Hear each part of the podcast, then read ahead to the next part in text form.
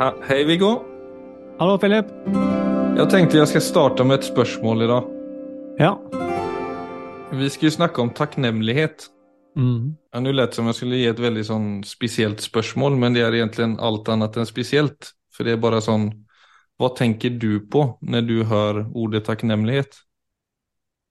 Eller hva betyr det for deg? Kanskje det er mer kan spire i gang noe mer? Altså, jeg tenker på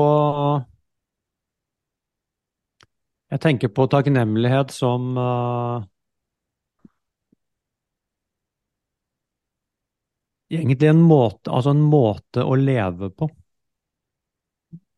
Altså for meg, Mm. Når jeg hører takknemlighet, så tenker jeg noe utrolig viktig, og noe veldig dyptgripende, og noe som, uh, som egentlig er så nært oss, og som samtidig kan bli helt borte for oss.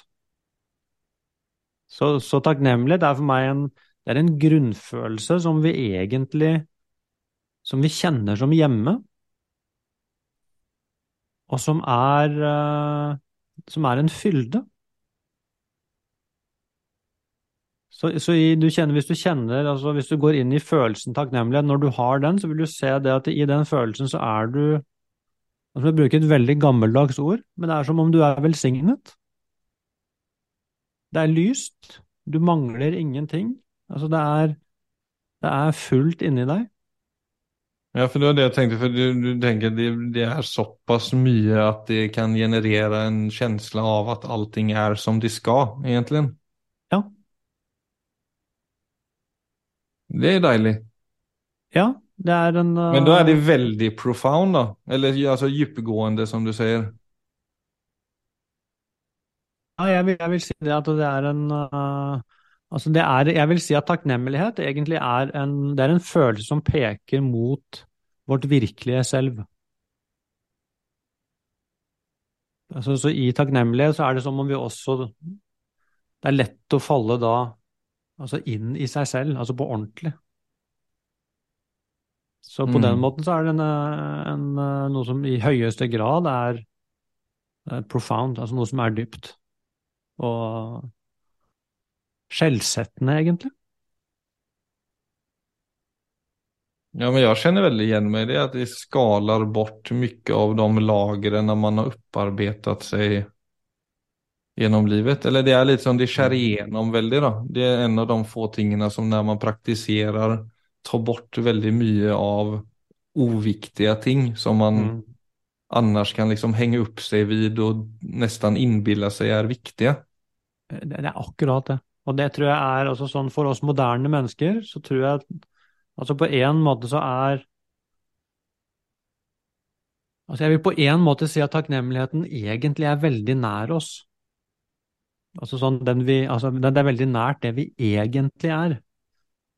Mens det som hindrer takknemlighet, det er all den støyen som eh, ja, som er både inni oss og utenfor oss. Men altså, det er mye sånn gnål i huet, altså det, som er da selvfølgelig ja, tanker og emosjoner og, og, og krav, kanskje ikke minst, da.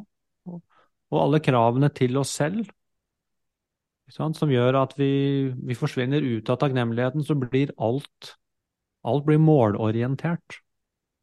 Og alt blir da Så hvor er de gode følelsene? De er et eller annet sted i fremtiden. Mm. Det er det som skjer når vi Og alt dette her, husk på, alt dette er mindset. Og det er det som er så utrolig å oppdage, at dette er ikke Det er ikke virkeligheten som er sånn. Men det er sånn virkeligheten oppleves når vi har det mindsettet. Så det er Mm. der dette med selvinnsikt og det å jobbe med seg selv er så utrolig viktig, for det, det innebærer faktisk at jeg kan bytte eh, grunnmur. Jeg kan stå på en helt annen grunnmur i livet. Den ene grunnmuren er full, den andre grunnmuren er rett og slett bare behov. Hvor Ja, alt det- er projisert inn i fremtiden. Ja, og det, det, det, det kan jeg også kjenne er veldig sånn fint i forhold til takksomhet eller takknemlighet. At det, det, det kan ha en funksjon oberoende av hvilken situasjon man er i, eller oberoende av hvilket liv du lever. Altså det, det er faktisk noe som samler eller som ikke er avhengig av at du må ha det eller det eller det eller det. Ja. Og det Ja, syns jeg er en sån väldigt sån frigörande grej vid det, Altså oavsett hvilken livssituation jeg har vært i. Om det har vært noen jeg har vært veldig glad i, noen jeg har vært lite glad i, noen som har vært krevende, at jeg har hatt et jobb som ikke har likt. Eller jag har haft dålig råd. Mm. Alltså det är faktiskt alltid någonting som finner fäste. Mm. Alltså du, det finns alltid någonting att vara tacksam för. Det finnes jo alltid en overflod å være takknemlig for hvis du virkelig hvis du virkelig begynner å leite på ordentlig. Ja, så er det at det da aktiverer det, det faktisk aktiverer det som er go gode følelser i deg, då. Ja, det er, det, du, det er akkurat det du gjør. Ikke sant? Så det, altså det, det gjøres jo en del forskning på takknemlighet nå, og, og har blitt gjort altså innenfor det som kalles positiv psykologi.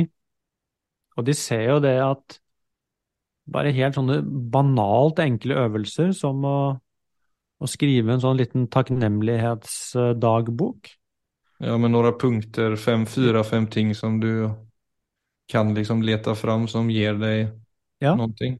Ja, og det å skrive, det å skrive hver kveld, altså tre ting som du har vært takknemlig for i løpet av dagen, det tar jo ikke mer enn noen minutter, men det ser folk som gjør det over tid, så, så er det målbar endring i positive følelser Mm. og, og sånn uh, positiv forventning til livet, og de ser at det, det gjør noe med motivasjonen til å studere og til å gå på jobb, og det forbedrer relasjoner. og Ja, men det er jo, du vet, det er jo en sånn turnaround. Altså, det er sånn vanligvis på automatikk så går vi mot the power of bad. altså vi går mot det negative.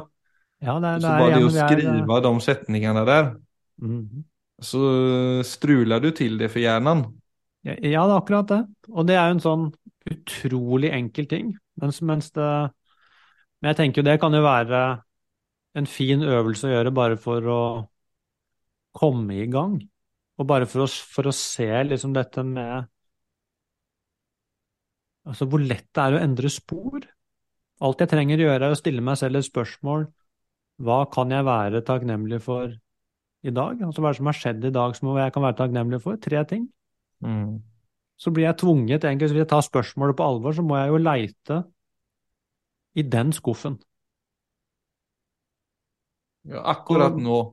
Akkurat nå, Viggo. hva kan du være takksam for? Akkurat nå så er jeg nummer én, jeg er utrolig takknemlig for uh... At du har bunden rente? Ja, det kunne jeg vært takknemlig for, men akkurat nå så sitter jeg og ser ut på Jeg sitter på kontoret mitt hvor jeg har store vinduer ut mot hagen. Og her ser jeg masse vårtegn i hagen. Det er to rådyr som faktisk står og gresser på utsiden der. Oj, det var jo lite av en eh, vision. Så ja, så bare det å bli Altså, jeg blir truffet bare av noen utrolig flotte furutrær som en gang jeg Så det er bare noe som løfter sinnet med en gang. Så bli, eh, bli, bli truffet av det. Eh, dypest sett så må jeg jo si bare sånn Ja, om du gräver, Jeg tenkte selv der, om du graver litt dypere, liksom i deg. Ja. Men det er Altså, hvis du går i de små tingene, så er det noe med den grunnleggende takknemligheten bare ved å være til.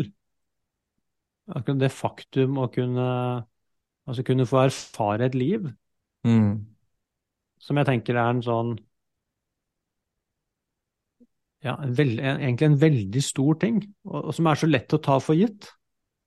Mens det, det å virkelig begynne å gå inn og se altså hva er det å være levende, altså det å kunne erfare, det å være et bevisst menneske som kan gå rundt og få lov til å erfare en verden, ikke sant? Hvor, hvor uh, utrolig stort er ikke det? Mm. Og da har man virkelig snudd det rundt liksom fra den Ja, at det må skje noe spesielt Ja, for å være takknemlig. ja, eller den jakten på et, et liv som skal være bedre enn det som er her og nu. Ja, du vet altså når du, Hvis du tar meditasjon som en praksis, da, hvor man sitter med noe så enkelt som pusten, så er det jo den der veldig rare tingen som skjer. Riktignok ikke med en gang, men sånn når ting begynner å roe seg ned, Mm. så, så vil du på et eller annet tidspunkt så blir du takknemlig bare for å puste. Altså det er noe helt uh, Det er noe utrolig stort bare ved bare ved å, å puste inn og ut.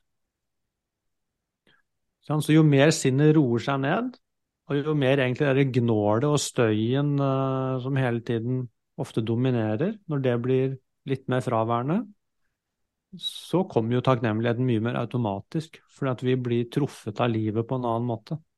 Og så slutter du å ta livet for gitt. Så er det noe med magien og friskheten i øyeblikket, altså sånn, som i verste fall blir klisjeer for mange, men det er noe med når det faktisk blir virkelig, så vil du si at dette er, er så nært oss. Så dette var noe jeg tenkte mye på.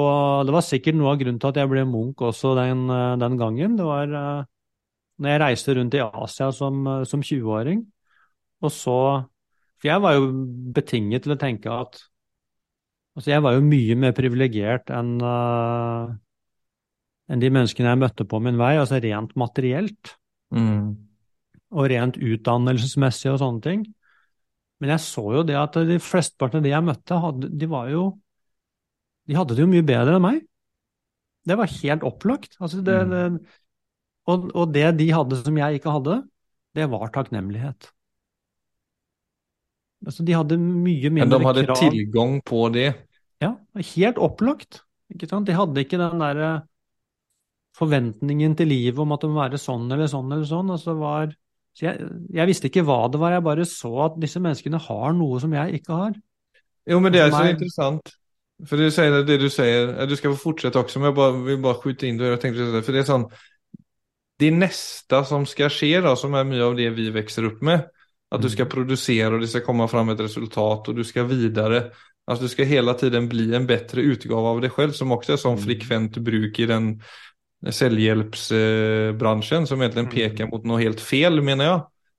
Helt klart.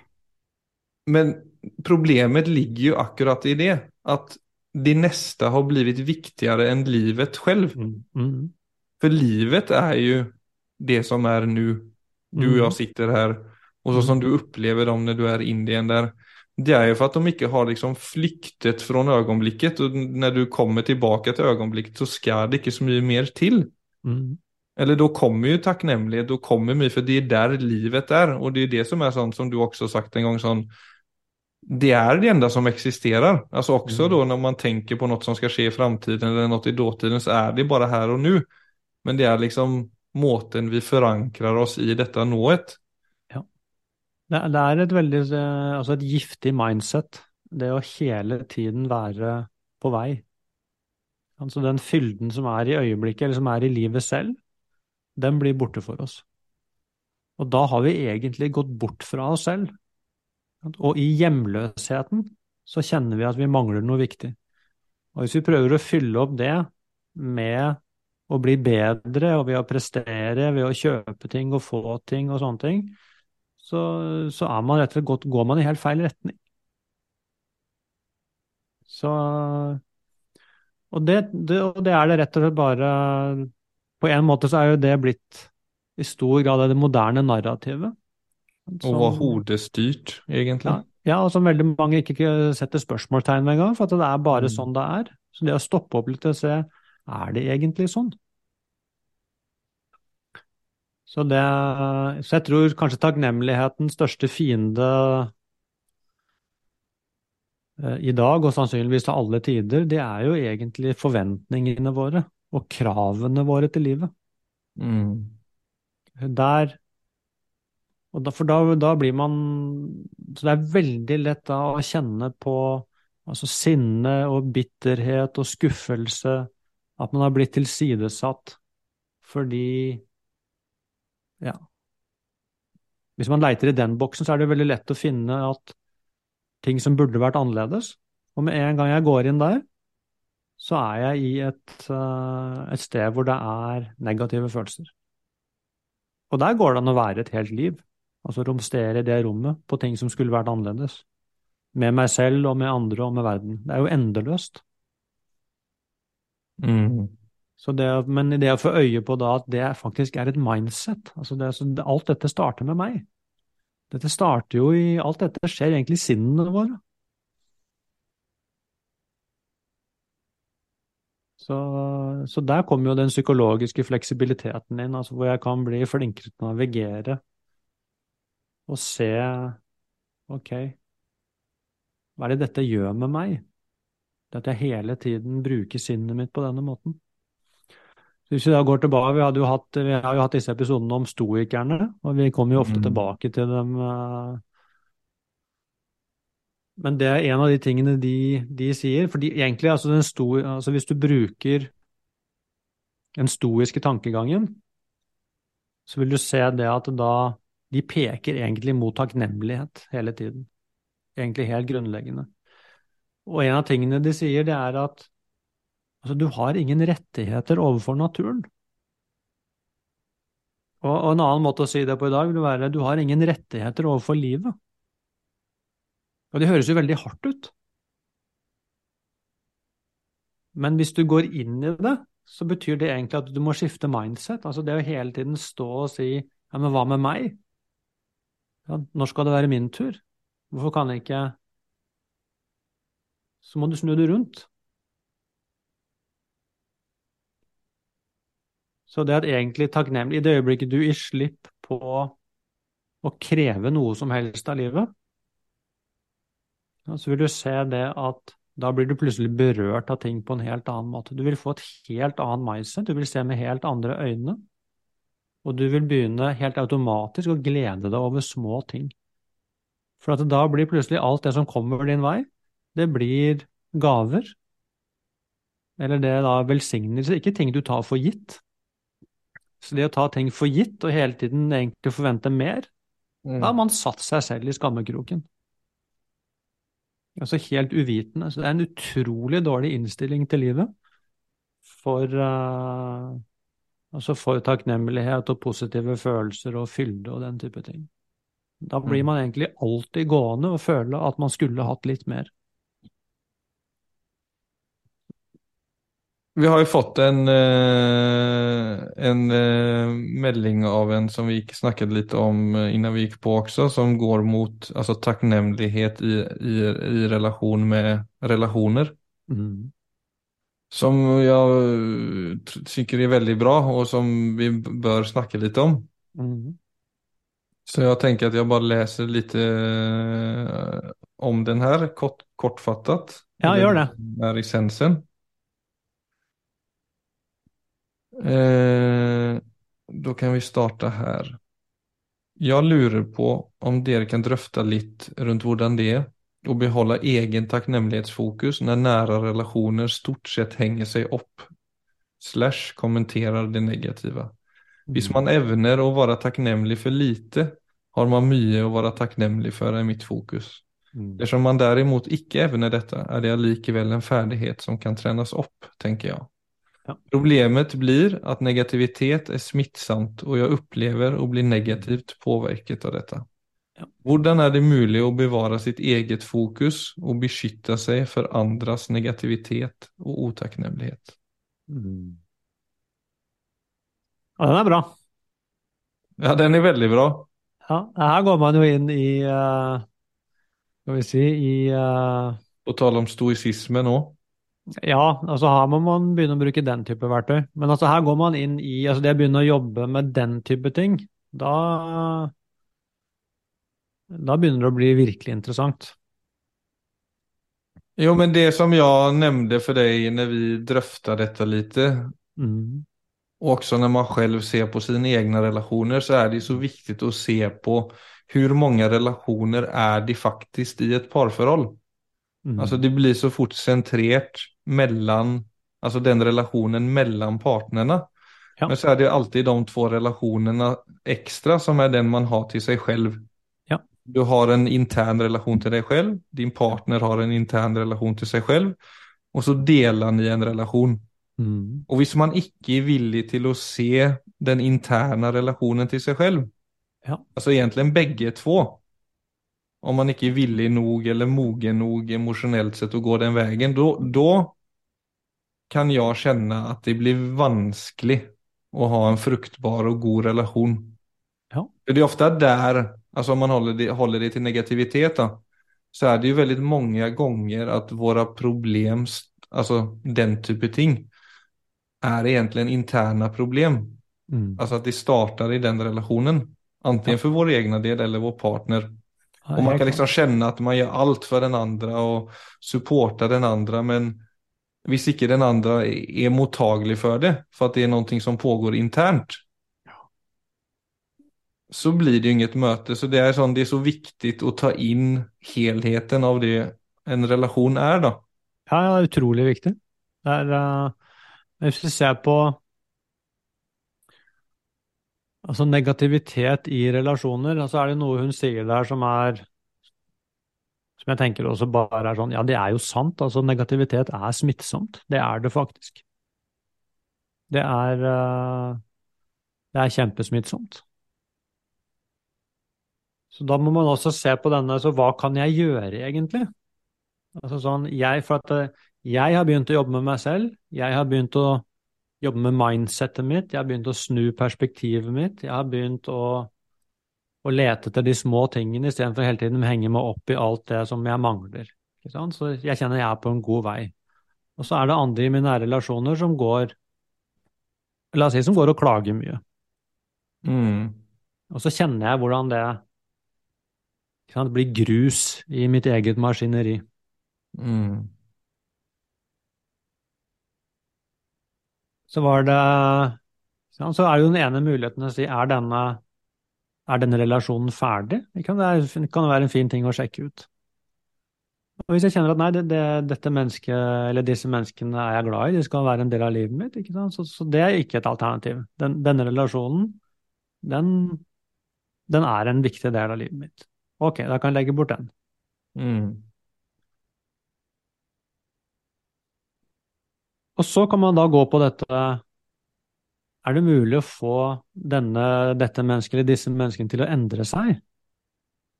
Kan vi snakke om det? Kan vi reflektere rundt dette? Er det mulig å ha en god samtale rundt dette, sånn at dette, dette er noe vi kan endre på sammen? Og det er klart, Hvis den muligheten er der, så kan jo det bli Ja, det er jo ikke noe som er bedre for en relasjon, egentlig, at man går sammen inn i den type ting. Det skaper jo ofte masse nytt engasjement og gode følelser og nysgjerrighet og sånne ting. Men la oss si, det er jo ofte, ofte så er ikke den muligheten der.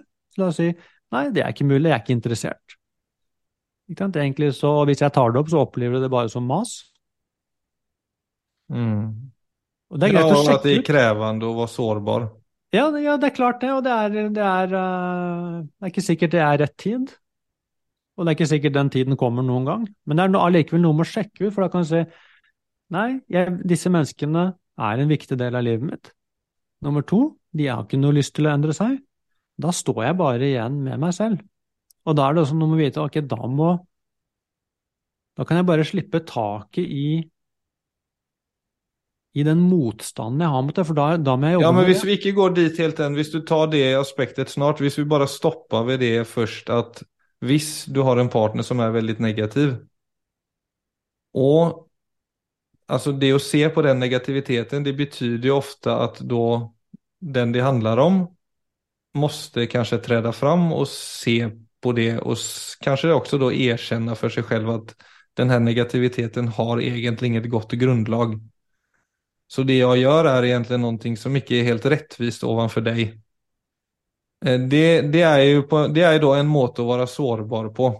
Mhm. Kan man behandle, altså for, for ikke ta det videre til å da bare være stoisk og, og tenke at hvis ikke det går å gjøre noe med negativiteten, men at hur kan man på en god måte, tenker du, føre et samtale eller oppmane til en slik eh, observasjon? For å ändå kunna ta negativiteten lite mer vid roten og se på mönstret istället for å ta det videre. Altså, jeg, jeg tror det Altså, akkurat når det gjelder sånne Det er så utrolig individuelt, ikke sant? Så altså, dette med hvordan, hvordan få en god samtale, hvordan få en god inngang til et menneske, det er jo litt fingerspitzgefühl? Men det er klart, det er jo, jo bedre du kjenner et menneske, jo større sjanse er det jo for å finne hvordan kan vi snakke om dette på en ny måte. Altså det som i hvert fall ikke funker, det er i det øyeblikket, enten dette er Altså partneren min, eller det er foreldrene mine, eller det er søsknene, eller bare venner. Altså uansett uh, hvor nært det er. I det øyeblikket noen får opplevelsen av at altså du ønsker at de skal endre seg, da stenges døra. Så det er derfor dette er så vanskelig. Så, kunne, så hvis man skal ha noe sjanse til å kunne få endret noe på sånne ting, så må man komme fra altså fra en tilstand av mykhet og, og nysgjerrighet og interesse, sånn at man kan komme inn og få en altså virkelig en åpen dialog. Det vil øke sannsynligheten. Men det er klart, men i øyeblikket jeg er Og det er klart sånne ting som jeg kjenner, For vi blir jo irriterte veldig fort. ikke sant? Altså, når andre er negative, så er det sånn faen heller, så må du være så jævla negativ. Det kommer så innmari fort. Mm. Og hvis man snakker derfra, så er det egentlig slutt før det begynner. Så, må, jeg, så jeg, tror i hvert fall det er lurt å ta Ikke ta det når de brenner. Nei, man må ta, invitere til en samtale rundt det når det er øh, Det har med timing å gjøre, altså. Man må lete etter det passende øyeblikk. Si, vet du hva, det er noe jeg har lyst til å snakke om. Altså hvor, hvor, alle er i en god tilstand. Det er ingen som er trigget, det er ingen som er i forsvar, det er ingen som er i angrep. Si, det er noe jeg har lyst til å snakke om. Det kan være, og For da kan man få sjekke ut er dette noe vi, vi kan drøfte. For jeg er jo enig med, jeg tror de fleste egentlig tenker at dette er jo dette er utrolig sentralt, altså sånn for uh, Selvfølgelig også for samvær. Altså det å sitte, liksom bli sittende rundt et middagsbord eller en fest eller et møte, og så begynner alle å klage. Det er jo sånn. Altså Stemningen i rommet da, hvis du kunne liksom fått en maskin som kunne loddet uh, livsgleden i rommet, så ville du se at den er jo helt nede i kjelleren. Ja. Det er jo forferdelig når, rom, når det blir sånne klagerom. Ja, så er det, de ligger så nært òg. Altså det der skvalleret som mennesker ja. har holdt på med i alle år. Ja, akkurat det. Og det er noe med sånn, det er, og det er en form for Altså Gleden over å klage det er en egen form for glede, men det er klart, hvis du går inn i en tilstand kjenner du det er ikke en god tilstand å være i. Det er en utrolig passiv tilstand å være i. Det er jo mennesket på sitt laveste, nesten. altså. Ja, så er det, så, det er så smittsomt, det er sånn som du selv sier, at ja, så sier jeg faen hva du er negativ, liksom. Da har du to personer som er negative. Ja, det er akkurat det. Altså, allerede der, der, og så er det to stykker som er ute for regning. Allerede Men låt oss si at du på et godt sted møter din partner, og så var det ikke så at din partner heller der var mogen nok å ta, det, ta de emosjonelle røttene der og da. Da ja. kommer vi til det steget som du var på vei å starte i. Hur møter ja. man det da, hvis du fortfarande har bestemt deg for at det her er en relasjon jeg vil være i? For det er jo sånn, når skal du let go of love? Det är som ja, du ja, måste ställa dig frågan sån, varför ja. är jag i denna relationen? Ja, da. Hvilket grundlag er jeg faktisk her nå? Ja. For det endrer jo seg i en relasjon. Absolut. Og där er det sånn ok, du vil være der, men din partner virker ikke helt kunne endre seg. Tross ja. at du har gjort et forsøk å møtes liksom på et godt grundlag da. Ja. Hva står da, vi då? Nei, da, da ville jeg åpnet den stoiske verktøykassa. Ja, for det er en, ja, det er en litt sånn uh, oh. ja, Men da må du bruke det til ting. Altså, men, men, eh, jeg tror et veldig interessant sted å begynne, for, at, for, da må jeg jobbe med meg selv. Og jeg tror et veldig godt sted å begynne da, det er ja, å jobbe med mine egne forventninger. Ja, og begynne å se sånn hvordan er det, hva er det som skjer i meg når jeg opplever negativitet? Så virkelig begynne å se altså Hva er det som skjer i kroppen min, hva skjer i følelseslivet, hva skjer, hvor er det sinnet mitt går, hvilke mm. narrativer er det som, som, begynner å komme? Så tror jeg ofte du vil se det at det å Det er nesten som å gå på en vegg. Og i det så er det Kroppen går ofte i en form for contraction. Og det, er, mm. og det er noe Det er vondt, rett og slett. Og vår, eh, og vår automatiske reaksjon på det er at vi går i motstand. Og det går så innmari fort. Men jeg åh, nå er jeg negativ igjen. Og så kommer motstanden. Og det er i den motstanden, altså det er der egentlig problemet skjer. Det er den motstanden jeg selv opplever som contraction. Så det å klare å bare begynne å leke med perspektivet, og nå skal jeg, nå skal jeg faktisk forvente at han eller hun eller de er akkurat som de er. Dette er jo folk jeg kjenner. Mm. Så hva hvis, uh, hva hvis jeg begynner å forvente det, istedenfor å gå og håpe at de ikke skal være negative? Hva om jeg forventer at de, at de er akkurat sånn som de pleier å være? Hva skjer med meg da? Ja, för det är lite samma sak när du liksom, om du har ångest, om du istället för att liksom bara önska att ångesten ska vara så långt borta som möjligt så kan du vända på perspektivet och tänka att se för dig så, istället som om du har bestämt att du har ångest. Mm. Och det är någonting som bara, det är som det är den, den rustningen og det motståndet. Ja. Det jämkar den... marken og det, det gjør jo noe med en. Ja, det gjør, det gjør at det, det, som gjør, er at jeg holder meg åpen. Ja, du møter ting så som de er også. Ja. Så det, noen ganger kan det være nok. altså Det, det kan nesten bli komisk.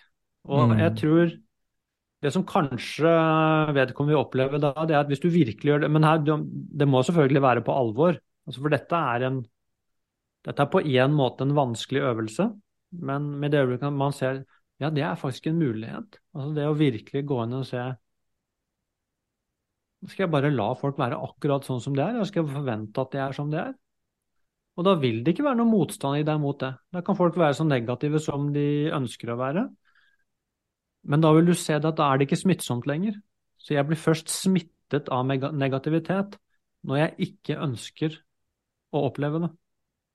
Nej, det är inte så att du resignerar eller blir passiv. Det är liksom bara det att du faktiskt börjar se klart på situationen. Och så har du ett bättre handlingsgrundlag därifrån. Ja, det vil ofte bli litt komisk. Og jeg, vil, jeg tror jeg vil ha mye større fleksibilitet til å se ok, hva skal jeg gjøre i denne situasjonen? For det er jo også noe med å se Hvis jeg ikke skal ha motstand mot det, de kan være akkurat som det er, men jeg kan jo også da se men da er plutselig jeg i førersetet. Hvordan skal jeg forholde meg til dette?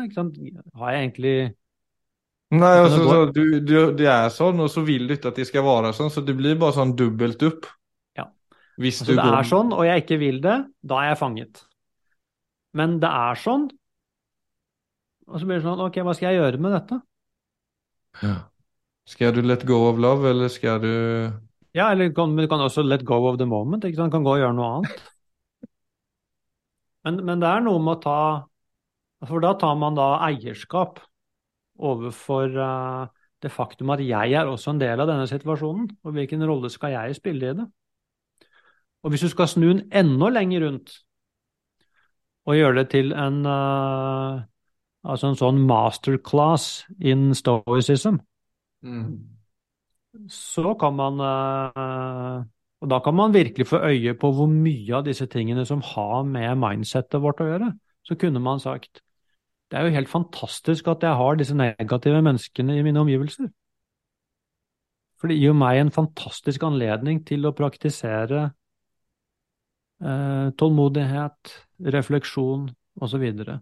så det er akkurat det jeg trenger for å jobbe med min egen uh, utålmodighet og min mm. egen manglende evne til å La livet være som det er. Og igjen så er det klart, dette funker ikke med mindre du mener det. Men hvis du bare forestiller deg at ok, hva hvis jeg faktisk gikk inn i disse situasjonene på den måten, så vil du se det at du er i en helt annen situasjon. Det er akkurat det samme som skjer, men du er egentlig i en helt annen situasjon, for du bruker det på en helt annen måte. Ja, du sparer det for masse energi. Og, og, og, du vil faktisk da kunne se at når den type negativitet dukker opp, så kan det i seg selv lede til takknemlighet. Så så mye ligger i uh, altså i hvordan vi bruker sinnet. Her er det selvfølgelig Altså, dette krever ganske Dette krever høy selvinnsikt. Dette krever selvfølgelig dønn ærlighet med seg selv. For at det å begynne å bruke den type ting hvis du eh, Altså hvis du prøver å pakke inn det du føler, det funker ikke.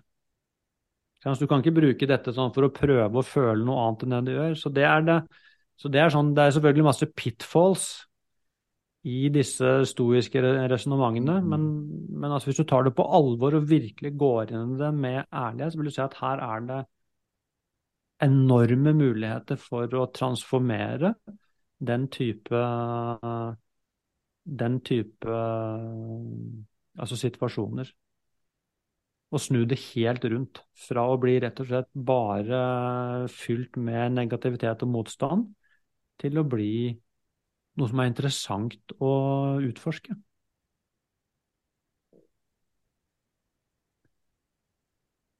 Ja, så tycker jag, om man också ska se på den relationen man har mellan varandra igen, så är det sån, ja, den generationen av föräldrar jag växte upp med, då var det väldigt många män som var lite mogna eller hade lite liksom möjlighet i det och, och uttala sig emotionellt eller se på sig själv på den måten. Mm. Men där upplever jag att min generation av män är väldigt, väldigt mycket bättre. Och ja. har ett mycket, mycket större potential i att faktiskt kunna lösa någonting mellan två parter. Ja, det tänkte jag också på när vi snackade om det. Det är någonting med att när två människor möts så kommer man ju från varsitt liv. Mm. Och sen de två kärnorna som möts går ju sen in i egna mönster som alla mm. relationer gör. Ja. Så man stiftar mönster och man stiftar en helhet som blir till relationen och så är det vissa mönster som på sikt visar sig vara dåliga och vissa som visar sig funka. Mm. Och det att då ha den där jävnliga liksom, kontakten i att vilja se på det från bägge ja. sidor. Ja. Där är man lite mer idag och det är nog väldigt, väldigt potent. Ja, det er eh, Altså, da opprettholder man faktisk en Altså en sunn relasjon. Ja, men det er det jeg tror det har vært veldig sånn mangel av opp igjennom. Jeg tror det har vært helt sånn, fraværende. På menn da, du bare blåser ut din irritasjon, du blåser ut din negativitet. Bare sånn let's go, og så er det liksom ingen konsekvenser, ingen følger, ingen mulighet til å ta tak i det. Ja, helt klart, Philip. Men, Men det vi snakker om, det du snakker om her, er jo den utrolig viktigheten av å ikke sant? Altså igjen da gå Altså gå ut av komfortsonen. Og, og ut da altså den øh, Ja, kanskje det ja, Egentlig så er det inn i sårbarheten, for det er jo da å si altså skal vi snakke om dette?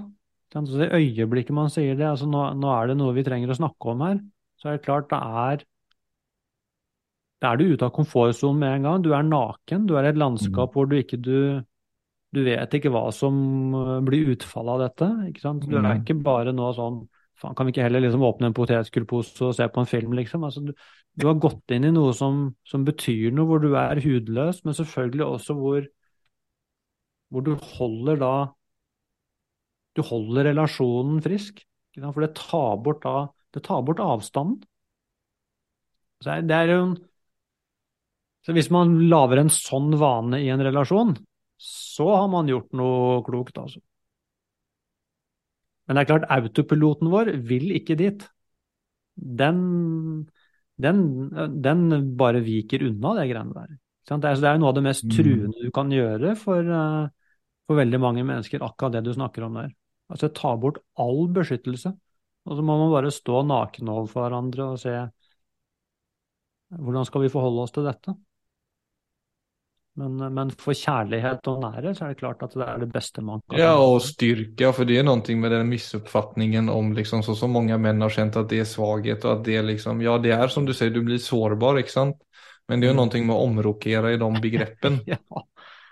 Ja, det krever jo enormt mot å være sårbar. Altså, det er jo det modigste man kan gjøre. Det er eh, så Nei, det er uh... Men det ser man mer av i dag, så jeg tror det er en uh, man, man ser det at ja, Om jeg da fortsetter å holde meg til menn, at man, man blir mindre og mindre redd for det, og man ser mer og mer fordeler ved det. Ja. Og sånn er det bare. Men det er fint, Philip, for jeg tror også hvis man Altså hvis man uh, Altså hvis man evner for, for, meg, det å være sårbar, det er det samme egentlig som å være naken. Og det å være naken er det samme som å ta bort altså all polstringen jeg har mellom meg og livet. Jeg tar bort hele den jeg tror, Akkurat som jeg tror når jeg går ut av døra, så må jeg ha på meg beskyttelsesdrakt, for at livet er så truende. Det er sånn, Hva hvis jeg går ut naken, hva da? Og lar meg berøre av ting? Mm. Så er det jo klart også at altså sånne ting som klaging og og, og bitterhet og sånne ting, altså det får jo også mye mindre feste. Så sånne ting som altså takknemlighet og nysgjerrighet og lidenskap og det å kjenne at ting betyr noe, det bor jo også i det samme rommet som sårbarheten. Mm. Så det er, jo, det er jo det som er å være levende.